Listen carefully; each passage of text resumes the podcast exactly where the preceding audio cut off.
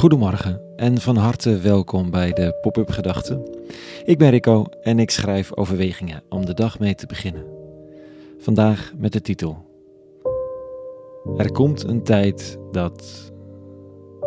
Pop-up Gedachten, woensdag 15 maart 2023.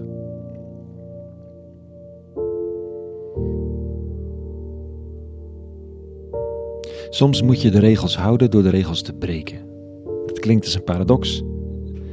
En ik word altijd wel blij van paradoxen, omdat ze de werkelijkheid wat beter lijken te benaderen. Een schijnbare tegenstrijdigheid doet vaak meer recht aan de realiteit dan de logica. De logica zegt dat je gewoon regels moet houden, en dan heb je er respect voor. En als je ze breekt, dan heb je er geen respect voor. Maar dat is dus lang niet altijd waar ik persoonlijk vind ik Extinction Rebellion, denk ik, zo'n voorbeeld. Ze breken een serie regels, luisteren naar de overheid, niet blokkeren van de weg en hoe je überhaupt het gesprek aangaat. Ze doen dat echt op een heel eigen manier. Maar ze doen dat op een heel andere manier, het breken van de regels, dan iemand die gewoon een hekel heeft aan regels. Ze doen het openlijk, ze doen het om een punt te maken. Ze willen betere regels, ze hebben de regels nodig.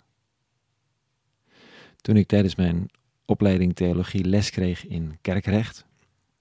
Wat voor sommigen als een bizarre combinatie klinkt, het juridische en het kerkelijke.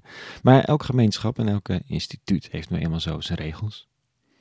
Toen zei de professor dat het essentieel is om onderscheid te maken tussen de geest van de regel en de regel zelf.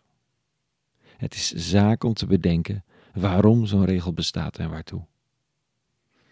En dan kun je dus het diametraal tegenovergestelde doen van wat de regel zegt en je toch aan de geest van de regel houden. Soms is scheiden de enige goede weg om te gaan. Soms is respect voor autoriteit ongehoorzaamheid aan diezelfde autoriteit. Soms ziet liefhebben van de ander er op het eerste gezicht niet eens zo heel liefdevol uit.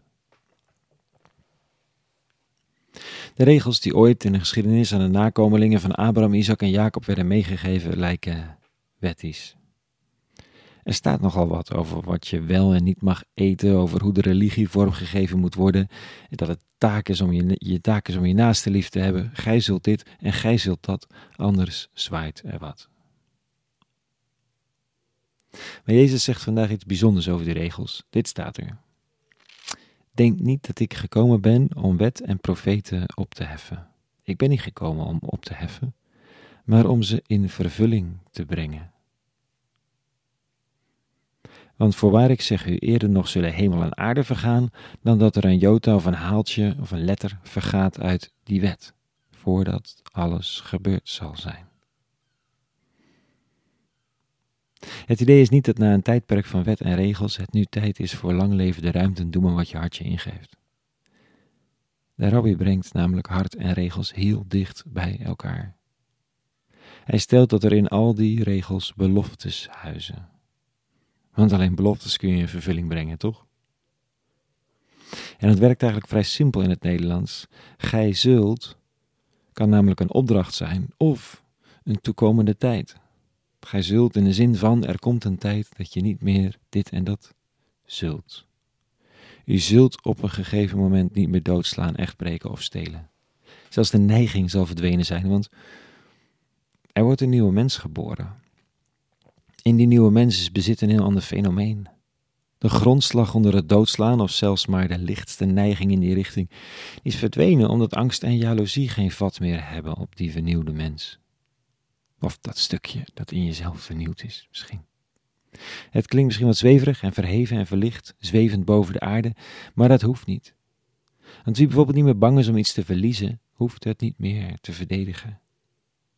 Dat is een bevrijding die zowel zich aan de wetsregel houdt, als dat de regel niet meer nodig is. Dat is de omkering die Jezus van Nazareth beoogt. Niet langer strijden en onderhandelen met dat wat je moet, maar met zoveel liefde de wereld tegemoet treden dat wat je moet niet langer een issue is. Wie verliefd is, vindt het idee van monogamie volkomen vanzelfsprekend en onnodig.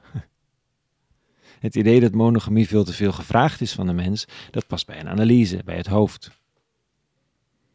De weg van de man van Nazareth is via de regel naar het hart. En het geeft een enorme hoop vrijheid. En het vraagt veel. Extinction Rebellion breekt geen regels uit disrespect voor de overheid. Ze zien juist de verantwoordelijkheid van de overheid en participeren met huid en haar in het politieke proces, letterlijk. Je kunt het lelijk vinden, maar het is van een toewijding waar heel wat burgers niet in de buurt komen. Wie lief heeft, heeft de wet vervuld, zeggen de oude teksten. Ofwel wie worstelt met de veel eisendheid van regels, de last van het geweten omdat je eigenlijk de kantjes ervan afloopt, zegt je geweten, die krijgt hier de uitdaging om niet de regel te bevragen of water bij de wijn te doen, maar om het hart te zoeken achter de vele vereisten. En dan in vrijheid af te zien van het houden van wat er zo verplicht lijkt, of te ontdekken dat het super eenvoudig is om je eraan te houden omdat je het wil.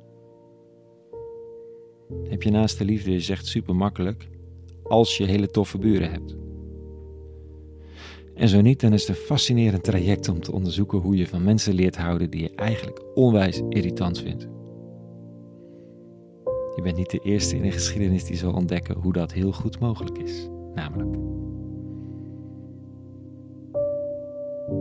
Tot zover. Even de pop-up gedachten van vandaag. Een hele goede woensdag gewenst. En vrede. En alle goeds.